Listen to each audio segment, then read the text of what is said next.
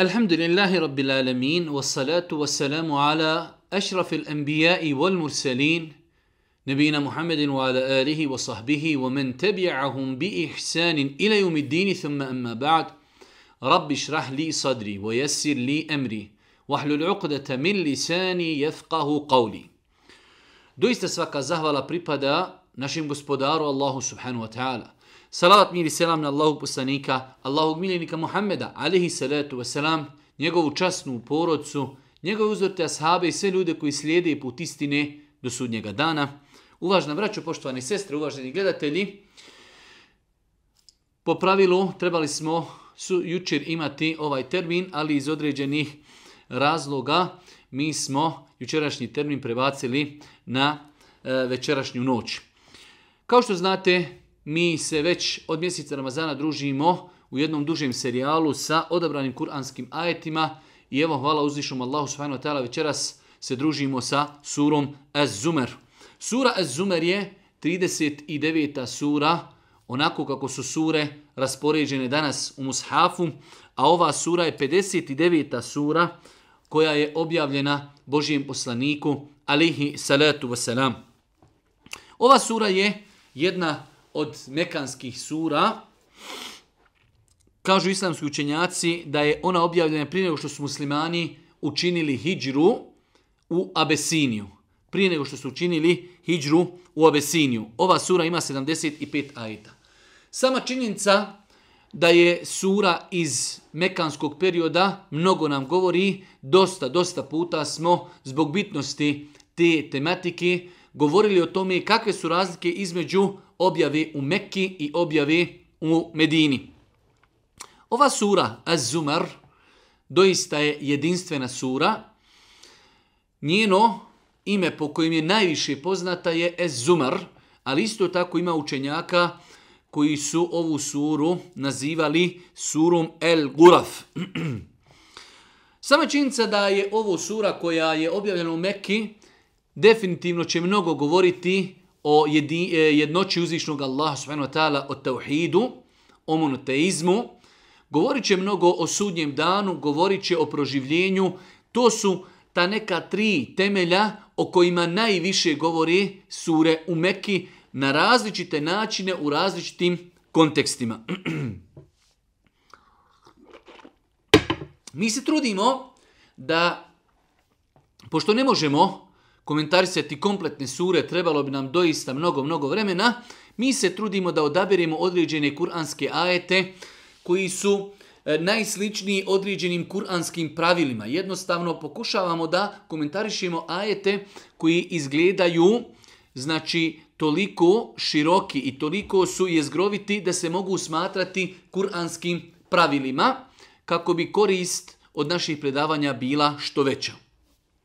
Uzvišnji Allah subhanahu wa ta'ala ovu suru počinje riječima Tenzilul kitabi min Allahil azizil hakim inna enzelna ilike il kitabe bil haq fa'budillahe muhlisan lehu din ala lillahi dinu el khalis Knjigu objavljuje Allah silni i mudri. Knjigu, Kur'an, objavljuje Allah silni i mudri. Mnogo puta smo govorili da je dosta kuranski ajeta koji jasno potvrđuju da je Kur'an Allahov govor.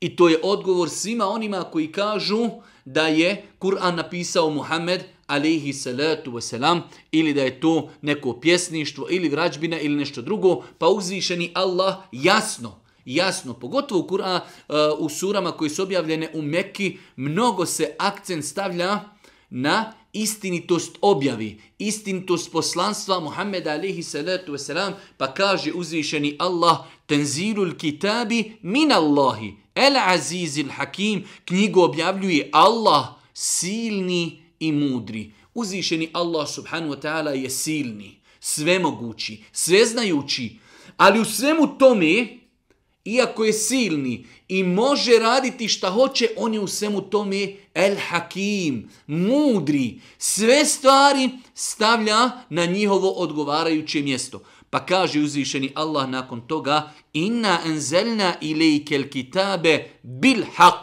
mi ti doista objavljujemo knjigu, pravu istinu. Mi ti objavljujemo Muhammede knjigu, a ta knjiga je apsolutna istina. Svaki harf, svaka riječ, svaki ajet u Kur'anu je istina, ima svoje, ima svoje značenje, kaže uzvišeni Allah, zato se klanjaj i robuj samo Allahu, iskreno mu ispovjedajući vjeru, iskreno ispovjedanje vjeri, dug je Allahu. Ela, lillahi dinul halis. Ela, ispovjedanje iskreno vjere je dug prema uzvišenom Allahu subhanahu wa ta'ala, pa nam ovaj ajet definitivno pojašnjava razlog zašto je uzvišeni Allah stvorio ljude, pa kaže uzvišeni Allah, zato se klanjaj samo Allahu.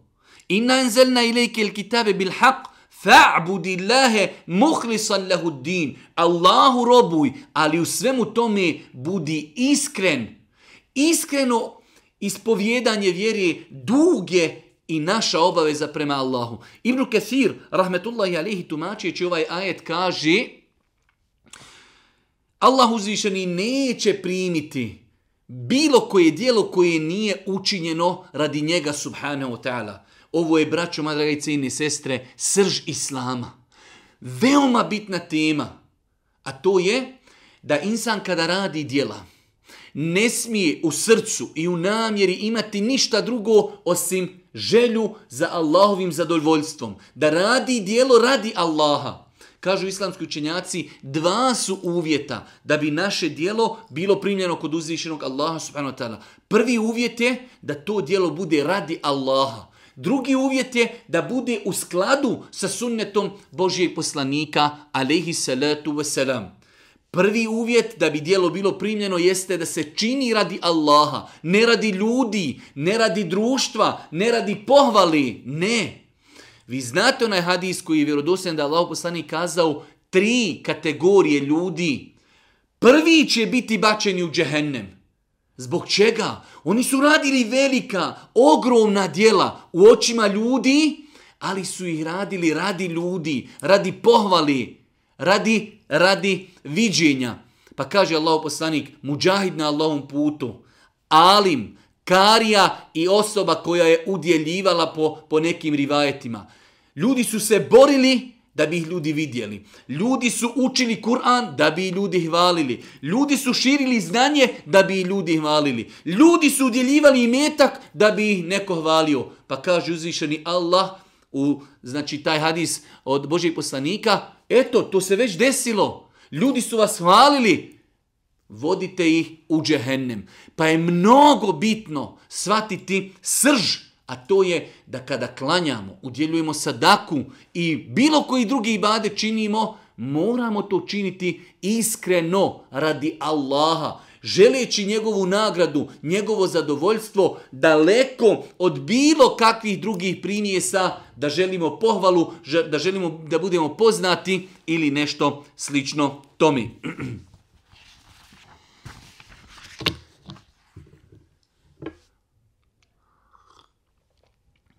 U sedmom ajetu sure Az-Zumar uzvišeni Allah kaže in tekfuru fa inna Allahe ganijun ankum, wala jerdali ibadihi l-kufr.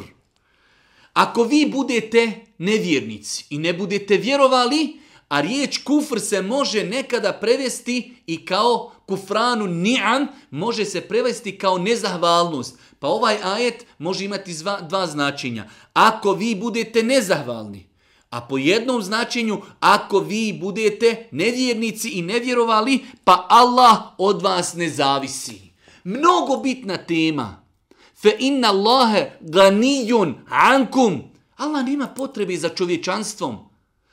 Određeni ljudi klanjaju, poste, imaju ubjeđenje kao uzvišeni Allah je potreban toga. Ne. Kada bi svi mi na planeti bili kao najpobožniji čovjek – To Allahu ništa ne znači. Kada bi bili svi kao najpokvareniji čovjek, to Allahu ništa ne znači. Pa je uzvišeni Allah apsolutno neovisan o svojim stvorenjima, a mi smo apsolutno potrebni njega i njegovog rahmeta i njegovog oprosta. Pa kaže uzvišeni Allah, ako vi budete nevjerovali, I ako vi budete nezahvalni, pa Allah od vas ne zavisi. Ali on nije zadovoljan, ali on nije zadovoljan time da vi budete nevjernici, niti je zadovoljan da budete nezahvalni. Znači po oba svatanja ajeta, ali on nije zadovoljan ako su robovi njegovi nezahvalni i ako ne vjeruju. Čovjek ima slobodnu volju, ali Allah nije zadovoljan da insan bude nezahvalan ili da insan bude nezahvalan nedjernik. Pa kaže uzvišeni Allah, wa in teškuru yardahu lekum, a zadovoljan je vama ako budete zahvalni, ako budete vjerovali, tada će vaš gospodar biti zahvalan, zadovoljan s vama. Pa je put zahvalnosti, put postizanja zadovoljstva uzvišenog Allaha wa in teškuru yardahu lekum. Ako vi budete zahvalni Allahu, on će biti zadovoljan vama. Dosta puta sam govorio moje neko skromno iskustvo u životu, put sreći, zadovoljstva, uspjeha, prosperiteta je put zahvalnosti. Šta god da imaš, pripisuj to Allahu. Šta god da imaš, vezuj za Allaha. Nemoj ništa vezivati za sebe. Ja uradio, ja postigao. Ne, To mi je Allah olakšao, to mi je Allah podario. Wama bikum min ni'metin fe min Allah. Sve blagodati koje imate, one su od Allaha subhanahu wa ta'ala. Wa in ta'uddu ni'meta Allahi la tuhsuha. Ako vi budete brojali Allahove blagodati nećete ih prebrojati. Vole in šekartum le ezide nekum. Ako vi budete zahvaljivali, mi ćemo vam svoje blagodati povećati. Pa uzvišeni Allah ovdje postavlja pravilo put zahvalnosti je put Allahovog zadovoljstva, put nezahvalnosti, put nevjerstva je put Allahove srđbe i put Allahove subhanahu wa ta'ala ljutnji. Nakon toga kaže uzvišeni Allah, وَلَا تَزِرُ وَزِرَةٌ وِزِرَ أُخْرَ I niko, nikakav griješnik, neće snositi grijehe nekoga drugog. I o tome smo više puta govorili da je to jedno veliko kuransko pravilo, niko, ni za koga, neće snositi grijehe na sudnjem danu. Da, u islamu, kada mi budemo razlogom da neko uradi dobro djelo, mi imamo nagradu kao i onaj koji to radi. A njemu se ništa ne umanjuje. A kada budemo razlogom da neko uradi grijeh, mi imamo grijeh kao i on. Ali mi nećemo nositi njegov grijeh. Wala teziru, waziratun wizra uhra. Nijedan griješnik neće za nekog drugog nositi njegove grijehe. Ovo govorimo iz razloga što se zna nekada desiti kada šetan u ljudskom obliku nekoga poziva, kaže hajde basanama, hajde grije, hajde alkohol, hajde kladionica, ja, kaže, snosim odgovornost. Laži. Nemoj da nasjednete na tu priču i na tu teoriju. Svako će za sebe odgovarati na sudnjem danu.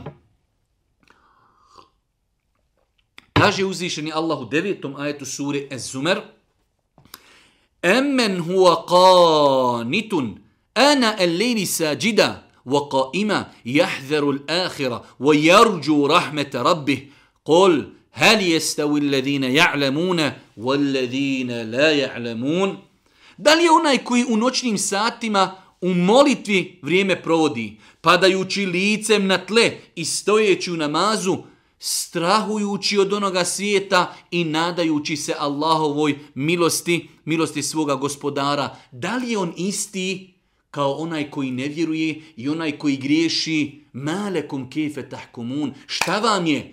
Zar je isti onaj koji naveće stoji, klanja, noćni namaz, dovi, plači, nasljeđdi, boji se grijeha, boji se sudnjeg dana i onaj koji greši, ne vjeruje i tako dalje. Nisu isti. Ali ovdje u ovom ajetu imamo jedno veliko uh, kuransko životno pravilo, a to je, kaže uzvišeni Allah, strahujući od onog svijeta, nadajući milosti gospodara svoga. To je taj naš životni pravac. To je naše životno balansiranje. Strahujemo od Allaha i njegove kazni. Nadamo se, njegovom rahmetu, njegovom oprostu, njegovom džennetu. Tako jedino čovjek može ustrajati i uspjeti na dunjaluku. Da strahuje od Allaha, da strahuje od Allaha njegove kazne, a da se nada, znajući kolika je Allaha milost da se nada, ali znajući svoju slabost da ima grijeha, boji se Allahove subhanu wa ta'ala kazni, pa kaže uzvišeni Allah, Kul, hel jeste u illezine ja'lemune, u illezine la ja'lemun, jesu li isti oni koji znaju i imaju znanje i oni koji ne znaju? Nisu isti. Čovjek koji je vrijeme posvetio vjeri, čitanju, edukaciji, Kur'anu, sunnetu, je li isti taj i neko ko nikad u životu nije otvorio knjigu, ne zna ništa, čini grijehe, nepokoran, nisu isti. Pa nam ovaj ajet ukazuje na vrijednost znanja, ilma, edukacije, naobrazbe. Jesu li isti? Nisu isti. Nije isti obrazovan čovjek, školovan čovjek, čovjek koji poziva ljude sa znanjem, Za razliku od insana koji nema znanja, ne zna i ono što govori i priča, sve je to zasnovano na neznanju. Pa je ovaj ajet jedna, jedna, velika, jedna velika teza u našem životu, podstrijek da idemo putem, da idemo putem nauke i naobrazbi. Nakon toga, kaže uzvišeni Allah subhanahu wa ta'ala, قُلْ يَا عِبَادِ الَّذِينَ آمَنُوا ittaku rabbekum lilladina ahsenu fi hadihi dunja hasene. Vardu Allahi wasi'a innama juwaffa sabirune ajrahum bi gajri hisab. Opet jedno, jedan kuranski ajet, deseti kuranski ajet iz sure Zumer, koji nam daje velike životne smirnice. Kaže uzvišeni Allah, reci, o robovi moji, koji vjerujete, bojte se gospodara svoga. To je srž uspjeha bogobojaznost, strah od Allaha, da čovjek praktikuje ono što zna, da čini ono što je naređeno, da ostavi ono što je zabranjeno. O ljudi, o robovi moji, bojte se uzvišenog Allaha. Oni koji na ovome svijetu dobra djela budu učinili, čeka nagrada. Allahu ekver, pazite, ovo je mnogo bitno.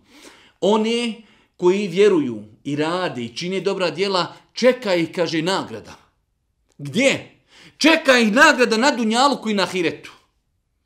Uzvišen je Allah subhanahu wa ta'ala na drugom mjestu u Kur'anu kaže men amile salihan min zekerin au untha wa huwa mu'min fele nuhi jennehu hajatan tajjibe. Ko bude radio dobra djela, bio muškarac ili žena, ali je mu'min, mi ćemo mu dati još na dunjaluku da proživi lijep i lagodan, sretan život. Uvijek zadovoljan, sretan, uživancija. Zašto? Jer radi dobra djela i vjeruje uzvišenog Allaha subhanahu wa ta'ala. Pa kažu islamski učenjaci, od kojih je Ibnu Kathir, rahmetullahi alihi, u ovom ajetu, Lilladina ahsenu fi hadi dunja hasene. Oni koji budu na dunjalku radili dobra djela, njih čeka nagrada. Gdje? Nagrada na dunjaluku i nagrada na ahiretu. Pa insan koji radi dobra djela, vjeruje Allah subhanahu wa ta'ala, njega očekuje lijep i lagodan život na Dunjaluku, a isto tako čeka ga nagrada, nagrada na Ahiretu. Kaže uzvišeni Allah subhanahu wa ta'ala u na kraju ovog ajeta innema yuwaffa sabirune ajrahum bighairi hisab a samo strpljivi oni će na sudnjem danu biti nagrađeni bez polaganja računa. La ilaha illallah. Koliko nam je ovo kuransko pravilo danas potrebno u vremenu smutnje, u vremenu izazova, u vremenu islamofobije, u vremenu nemorala, u vremenu kada se muslimani prikazuju uvijek u negativnom kontekstu koliko nam je bitno strpljenje i sabur, da se strpimo, da osaburimo na uvredama i tako dalje. Pa kaže uzvišeni Allah i nema samo strpljivi i nema ju sabirune eđerahum bi gajri hisab, samo strpljivi, samo oni. Samo takvi će biti nagrađeni bez polaganja računa. Kažu islamski učenjaci, neki od kojih je suddi, poznati mu fesir, misli se strpljivi će biti nagrađeni džennetom.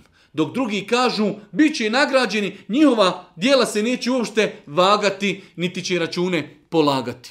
Pa insan treba da se u ovim teškim vremenima strpi na uvredama. Znamo da imamo strpljenje na pokornosti, strpljenje u grijesima i strpljenje na kader. Strpljenje u pokornosti. Treba postiti, udjeljivati zekijat, treba klanjati, treba ustati na saba, treba Boga mi strpljenja. Treba strpljenja da ostavimo grijehe i treba strpljenja da se strpimo kada kader i sudbina dođe, onako kako mi nismo očekivali. Jedne prilike Allahom poslaniku alaihi salatu wasalam je došla žena koja se požala, kaže Allahom poslaniće, imam padavicu. Moli Allaha da me izliječi. Kaže Allahom poslanik, ja ću moliti Allaha da te izliječi. Ali, ako se strpiš, u aleki el dženne, tebi je dženne tako se strpiš na toj bolesti. Kaže Allahom poslaniće, strpit ću se. Ali, moli Allaha da kada padnim unesist, kada imam bolest, da jednostavno moje tijelo se ne otkriva. Pa vidimo kolika je velika nagrada za strpljenje na Allahom subhanu wa ta'ala putu.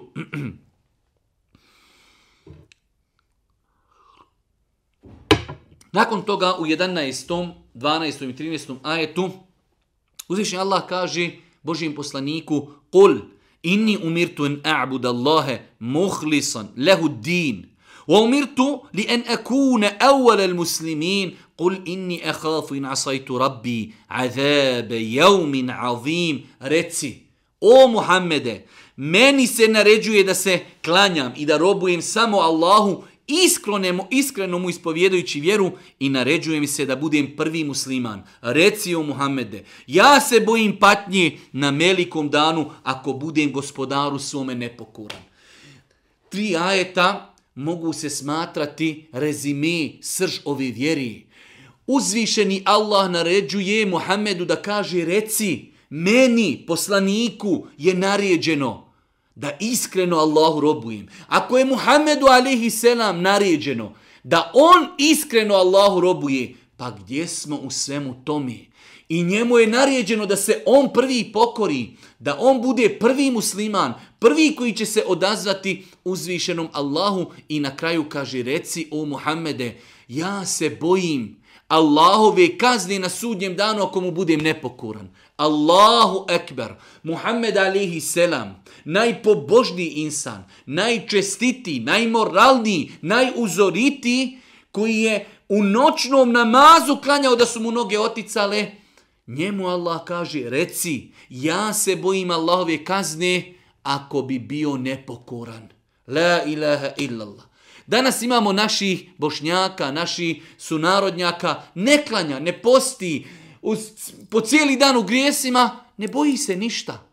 Allah Đelešanu kaže Muhammedu alihi siratus, reci, ja se bojim patnji na sudnjem danu ako bi bio nepokoran. Allahu ekber. Pa su ovo veliki kuranski principi da čovjek ne bude ohol, da ne bude umišljen, ja i tako. Ne, pripremaj se, budi pokoran, traži Allahovo zadovoljstvo i njegovu milost.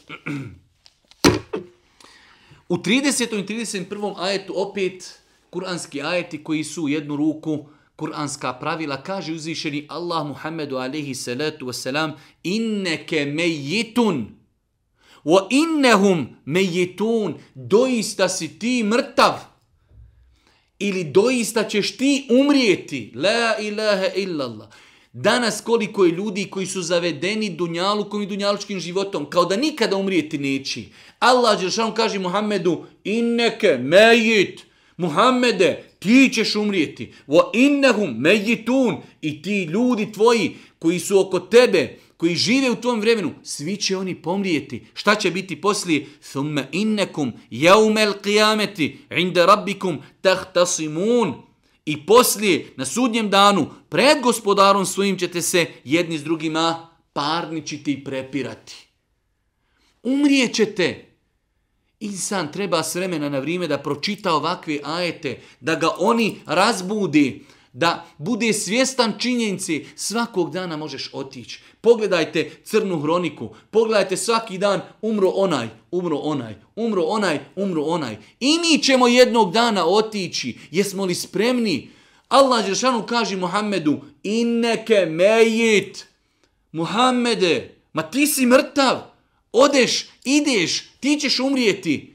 A umrijeći i oni iz tvoga okruženja, ali nakon toga, vi ćete pred uzvišenim Allahom se parničiti. Kažu islamski učenjaci, prvenstveno se misli, Muhammed alaihi salatu wasalam će se parničiti sa onima koji nisu vjerovali.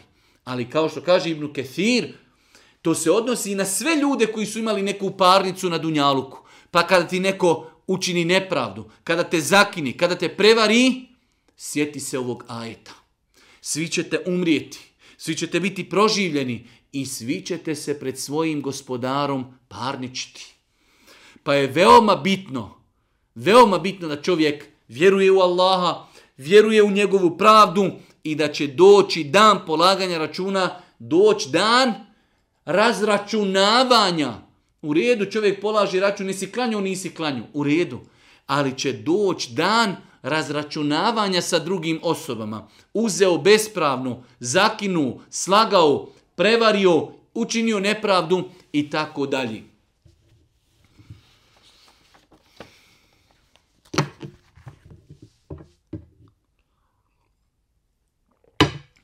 U 36. ajetu sure Az-Zumar kaže uzvišeni Allah obraćajte se Muhammedu alaihi salatu wasalam Elejse Allahu bi kafin abdeh Elejse Allahu bi kafin abdeh Zar Allah sam nije dovoljan robu svome? Po jednom kirajetu ovaj ajet se uči Elejse Allahu bi kafin ibade. Zar Allah nije dovoljan svojim robovima? Kaže uzvišeni Allah ju hauifuneke billedine min duni wa men yudlili lehu fema lehu min had.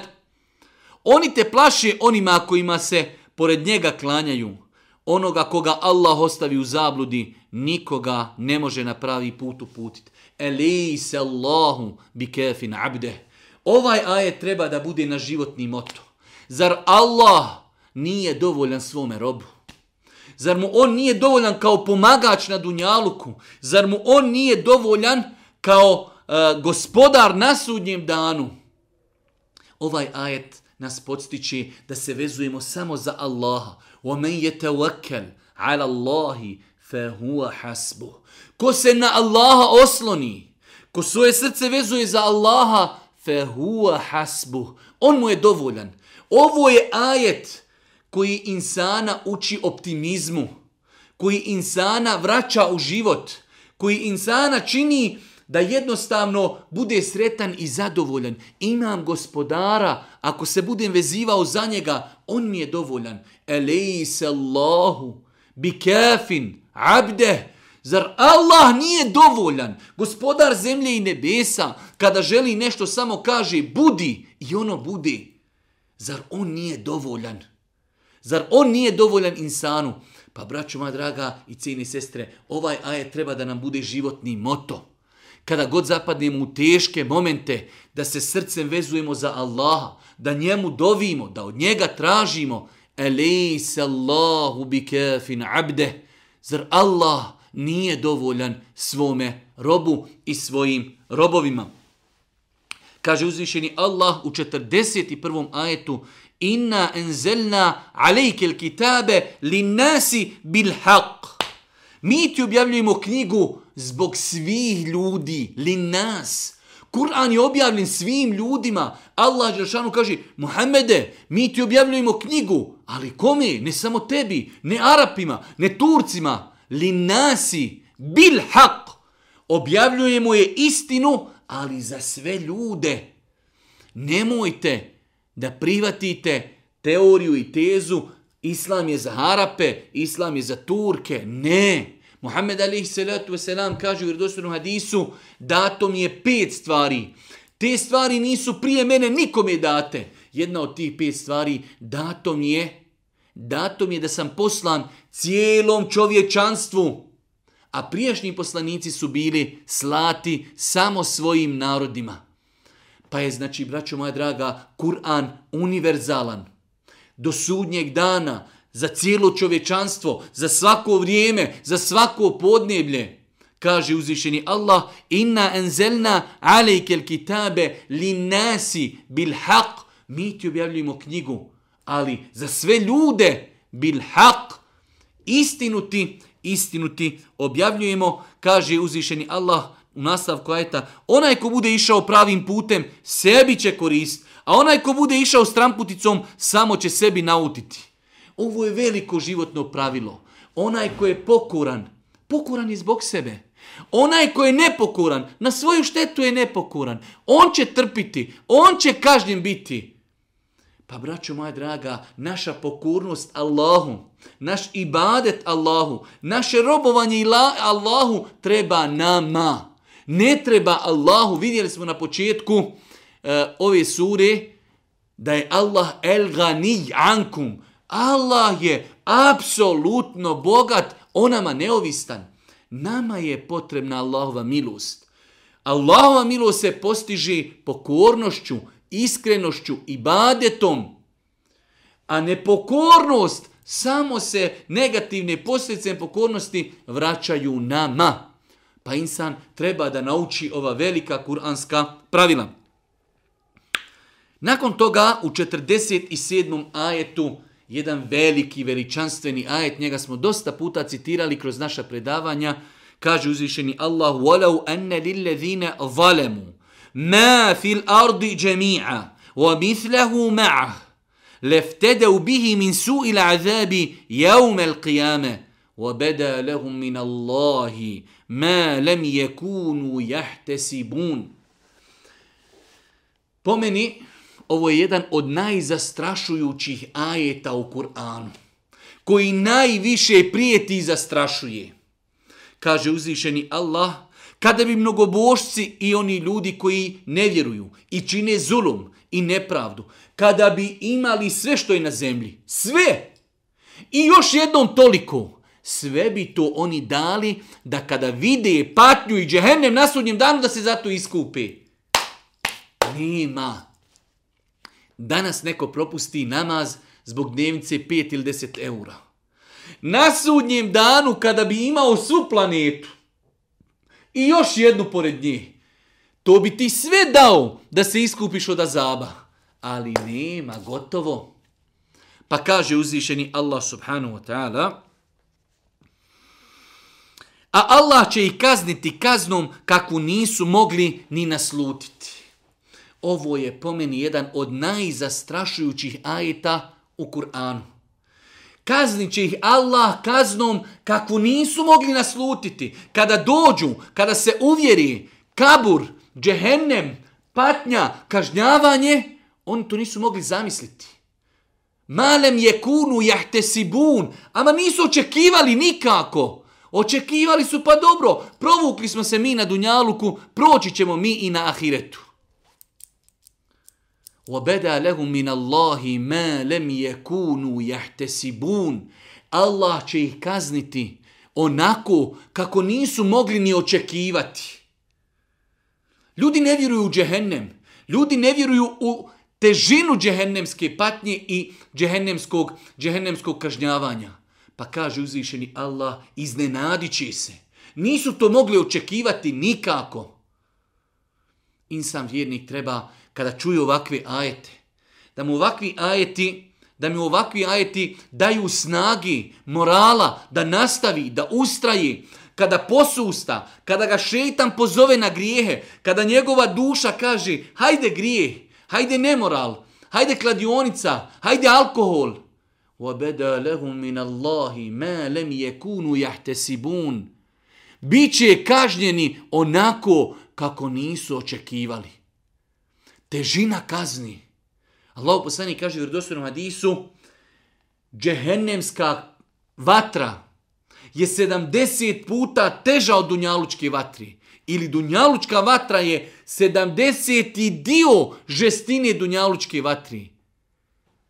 Dunjalučka vatra je 70. dio džehennemske patnji. Iako ova dunjalučka vatra apsolutno dovoljna za kažnjavanje, ne džehennemska vatra je 70 puta teža, jača, bolnija.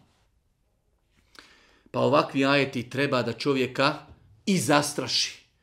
Da se zastraši. Jednostavno u čovjeku imaju određeni porivi koji se mogu ugasiti samo zastrašivanjem. Zašto u Kur'anu ima opis džehennema? Da bi se ljudi zastrašili. Da bi se ljudi pokorili džehennema uzvišenom Allahu subhanahu wa ta'ala.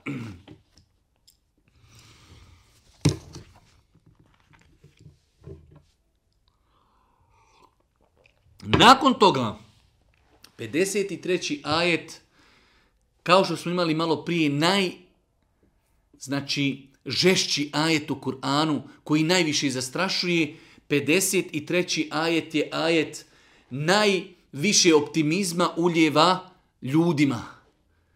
Ajet koji ljudima otvara poglede, vidike, optimizma. Vraća im nadu u život. Kaže uzvišeni Allah, قُلْ يَا عِبَادِيَ الَّذِينَ أَسْرَفُوا عَلَىٰ أَنفُسِهِمْ لَا تَقْنَتُوا مِنْ رَحْمَةِ اللَّهِ إِنَّ اللَّهَ يَغْفِرُ الذُّنُوبَ جَمِيعًا إِنَّهُ هُوَ الْغَفُورُ الرَّحِيمُ Reci, o robovi moji, vi koji ste sebi nepravdu učinili. Sebu ne, sebi nepravdu učiniti znači biti nepokoran, pa sebe dovesti u situaciju da budeš kažnjen. To je nepravda samome sebi. Činiš nepravdu sebi jer si nepokoran, pa ćeš zbog svojih dijela ti trpiti kažnjavanje. Kaže uzvišeni Allah, o robovi moji koji ste se prema sebi ogriješili, bili ste nepokorni. La taqunatu, nemojte gubiti nadu u Allahovu milost. Inna Allahe jagfiru zunube džemi'a. Allah oprašta šta? Sve grijehe. Znam da ima ljudi koji ovakve ajete svataju pogrešno. Misle da ovo znači pozivanje u grijeh. Ovo je Allahov govor.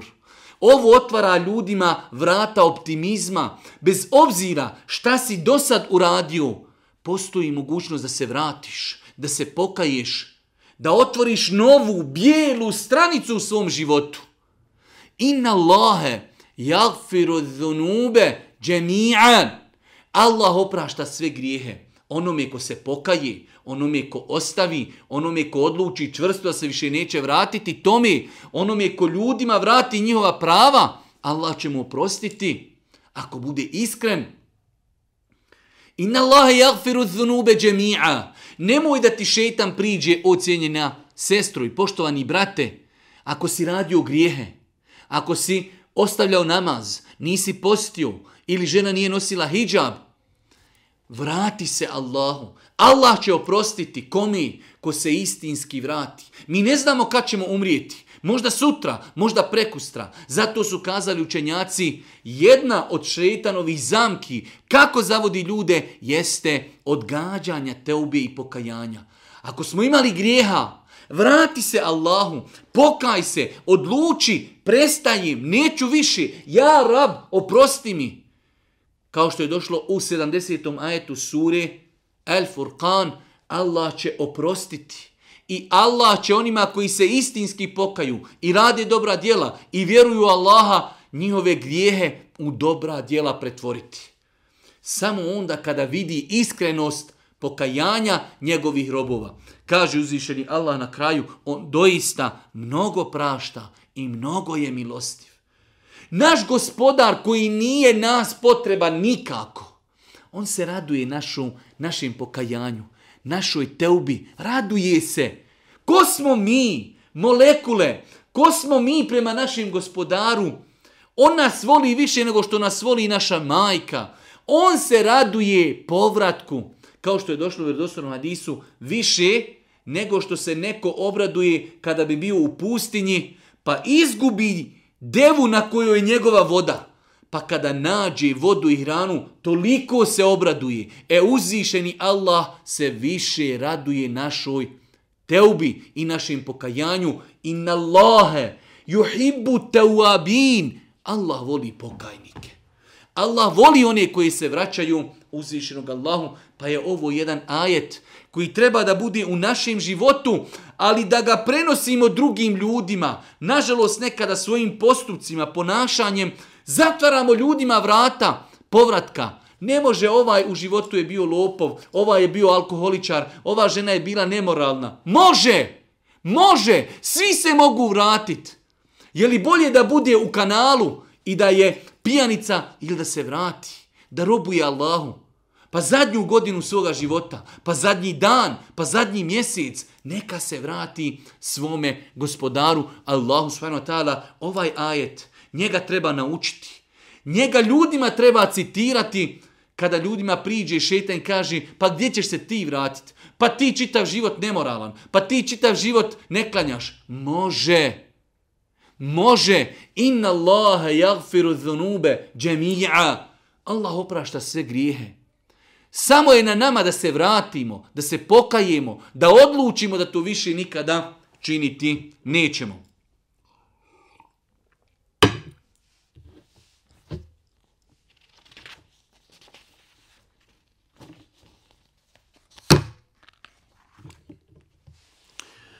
Kaže uzvišenje Allah subhanahu u 64. do 67. ajeta Kul efe gajra Allahi ta'muruni a'budu ejuhel jahilun ولقد أوحي إليك وإلى الذين من قبلك لئن أشركت ليحبطن عملك ولتكونن من الخاسرين بل الله فاعبد وكن من الشاكرين وما قدر الله حق قدره والأرض جميعا قبضته يوم القيامة وَالسَّمَاوَاتُ مَطْوِيَّاتٌ بِيَمِينِهِ Subhanahu wa ta'ala, amma yushrikun, reci, reci o Muhammede, reci kurešijama i svima onima koji ne vjeruju.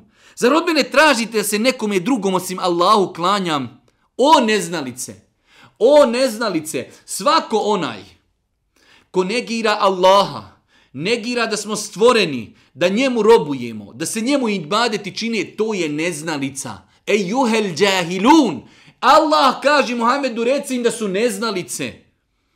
Ne može insan da svati gledajući nebesa i zemlju i sebe i čitajući o muadžizama i gledajući ako ne može svatiti da je Allah taj kome se robuje, to je neznalica. Zar kaže da robujem nekoga drugog, da robujem nekom drugom nego Allahu?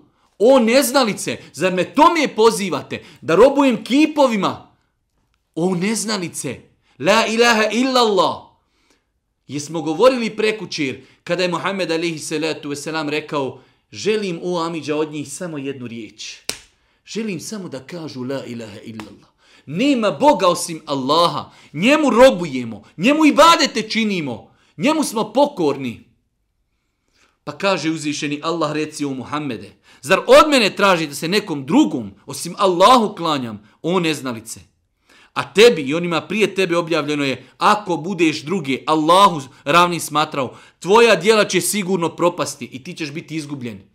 Braćo moja draga, tema je opasna. Učiniti širk, robovati nekome mimo Allaha, poništava sva naša dijela, kaže uzvišeni Allah Muhammedu, kada bi ti širku činio, sva će ti dijela biti poništena.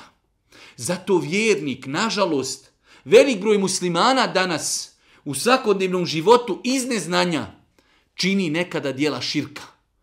Pripisuje Allahu sudruga, a širk najveći grijeh. Allah na sudnjem danu će oprostiti insanu sve ako hoće, osim širka. Ako insan umre, nije se pokao od širka. Pa kaže uzvišeni Allah, Le in ešrakte, le jehbetanne ameluk, Ako ti učini širk, sva će ti dijela biti poništena. Pa musliman mora učiti akidu. Mora čitati knjige koje govore o širku. Šta je to širk? Kako se manifestuje? Kakve su njegove posljedice? To su dijela koja izvode ljude iz vjeri. Mi imamo ljude, tako se rađaju i tako umiru. Rodio sam se musliman, ja sam haso i ja apsolutno moram u džennet. Haso, nije tako kao što utakmica futbalska ima prekršaj koji se zove crveni karton, ispadaš iz utakmice i tim ostaje bez igrača, tako čovjek u islamu može dobiti crveni karton, eselamu alaikum, nemaš više sa islamom ništa. Pa insan treba da se čuva širka, treba da se nauči, da se poduči, hvala Allahu, na, na internetu imamo predavanje od naših dajija, imamo knjige koje govore o vrstama širka, govore o posljedicama širka, opasnosti širka kroz historiju. Kaže uzvišeni Allah subhanahu wa ta'ala Le in ešrakte le jehbe tanne ameluke ako bi ti širku činio, tvoja dijela bi bila poništena. Pa nastavlja uzvišeni Allah svano tada kaže nego Allahu se jedino klanjaj i budi zahvalan. Vidite kako dosta puta uzvišeni Allah povezuje robovanje njemu sa zahvalnošću. Samo njemu čini ibadet i budi gospodaru svome Allahu zadovoljan. Nakon toga kaže oni ne veličaju Allaha onako kako ga treba veličati. Ljudi danas, daleko su od toga da shvate ko je njihov gospodar. Haj što ne muslimani, haj što nevjernici ne znaju Allaha i njegovu veličinu. Čovjek koji za sebe kaže da je musliman, psuje Allaha, ne znajući šta je rekao, ne znajući veličinu svoga gospodara koji je stvorio zemlju i nebesa. Pa kaže uzvišeni Allah subhanu wa ta'ala, oni ne veličaju Allaha, onako kako ga treba veličati, a čitava zemlja će na sudnjem danu u šaci njegovoj biti. La ilaha illallah. Pogledajte kolika je zemlja. Čitava zemlja će biti u njegovoj šaci. Šta dalje? A nebesa će u desnici njegovoj smotana ostati.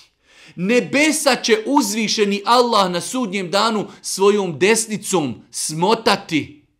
Ejnel muluk, gdje su? Gdje su? vladari koji su bili na Dunjaluku, vladari gdje su danas. Allah subhanu wa ta'ala u svojoj veličini i svojoj gordosti Allah će smotati svojom desnom rukom, desnicom nebesa, a zemlja će biti u njegovoj šaci. La ilaha illallah. Ima li, ima li te veličine igdje? Ima osim kod Allaha subhanahu wa ta'ala. Hvaljen neka je on i vrlo visoko iznad oni koje njemu smatraju ravnim.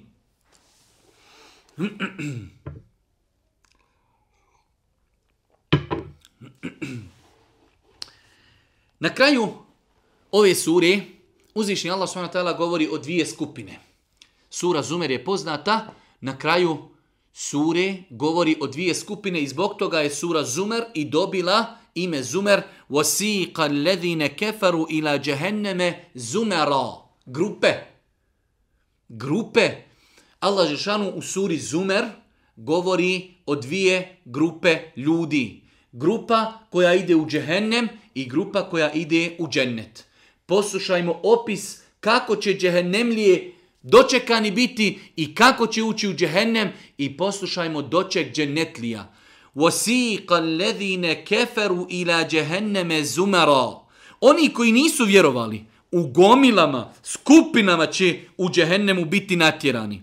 I kada do njega dođu, kapije njegove će se potvarati, čuvari njihovi će ih pitati, zar vam nisu dolazili vaši poslanici koji su vam ajete gospodara vaše kazivali i opominjali vas da ćete ovaj vaš dan doživjeti, re, jesu, reći će oni.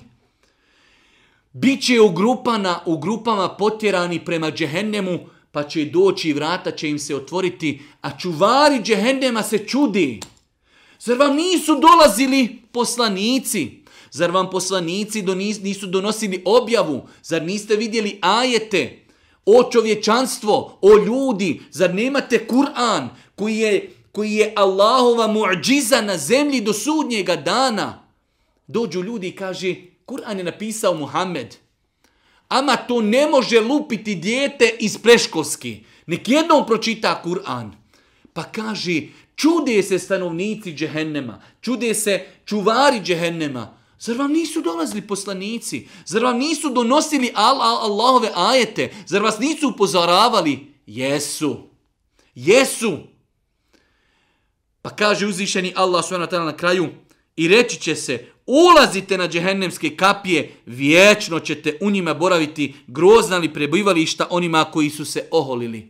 Ulazite u džehennem, i tu ćete vječno i tu ćete vječno ostati qila dkhulu abwaba jahannam khalidin fiha reći će se ulazite u jehennem kažnjavanje vatra pakao i tu ćete vječno ostati la ilaha illa allah braćo moja draga i te kako opasna igra i te kako opasna uloga u kojoj se nalazimo živimo dunjalučki život, noćas možemo umrijeti i pred nama je vječnost, lijevo ili desno, džennet ili džehennem. Da čujemo kako će stanovnici dženneta ući u džennet. Kaže uzvišeni Allah, وَسِيقَ الَّذِينَ تَقَوْ رَبَّهُمْ إِلَى الْجَنَّةِ زُمَرَا A oni koji su se gospodara svoga bojali u povorkama i grupama će u džennet biti povedeni. Oni koji su se Allaha bojali, bojali se kroz ibadete, bojali se ostavljajući grijehe, ostavljajući zulum, nepravdu, bit će povedeni oni koji su se Allaha bojali. Najbitnije svojstvo vjernika da se Allaha boji. Da ga je strah učiniti grijeh. Zbog čega? Radi Allaha. وَسِيقَ الَّذِينَ تَقَوْ رَبَّهُمْ إِلَى الْجَنَّةِ زُمَرَا Kada budu oni koji su se Allaha bojali u skupinama povedeni u džennet. Da vidimo kakav je kod njih doček. A kad do njega dođu kapije njegove već širom otvorene, čuvari njihovi će im reći Selamun alejkum tibtum selamun alejkum tibtum fadkhuluha khalidin kada dođu džennetlije sta, njihovi čuvari dženneta će kazati njima selamun alejkum selam alejkum tibtum čisti ste od grijeha oprošteno vam je fadkhuluha khalidin uđite u džennet u njemu ćete vječno uživati kakav je odgovor džennetlija kaže وقالوا الحمد لله الذي صدقنا وعده وأورثنا الأرض نتبوأ من الجنة حيث نشاء فنعم أجر العاملين يوني تشيرتشي جنت لي هذا الله koji nam je obećanje svoje ispunio. Allah obećao ko bude pokuran, ko bude robovao Allahu, njemu je džennet. Ko bude nepokuran, ko bude nevjerovao, njemu je džehennem. Kažu džennetlije, alhamdulillah, hvala Allahu, koji je ispunio svoje obećanje i šta još? I u džennet nam je i u džennetu nam je mjesto darovao, a da se u njemu e, I oni će reći hvala Allahu koji nam je obećanje svoje ispunio i u džennetu nam mjesto darovao. Da se u njemu nastanimo gdje hoćemo. Divne li nagrade onima koji su se trudili. Kaže uzvišeni Allah فَنِعَمَ أَجْرُ الْعَامِلِينَ Divne li nagrade onima koji su radili, koji su trudili se, koji su se pokoravali, koji su klanjali, koji su postili, zeklja davali, nemojte nasjesti na šuplju priču onih koji kažu čisto mi je srce. Džezaen bima kanu ja'malun kao nagrada za ono što su radili uzvišenog Allaha subhanahu wa ta'ala molimo da nas učini od stanovnika dženneta molimo ga subhanahu wa ta'ala da nam oprosti grijehe da nam bude milostiv na sudnjem danu da nas učvrsti na putu istine i na kraju subhaneke Allahumma da bihamdike ashhadu an la ilaha illa anta astaghfiruke wa atubu ilaik oh, oh, oh.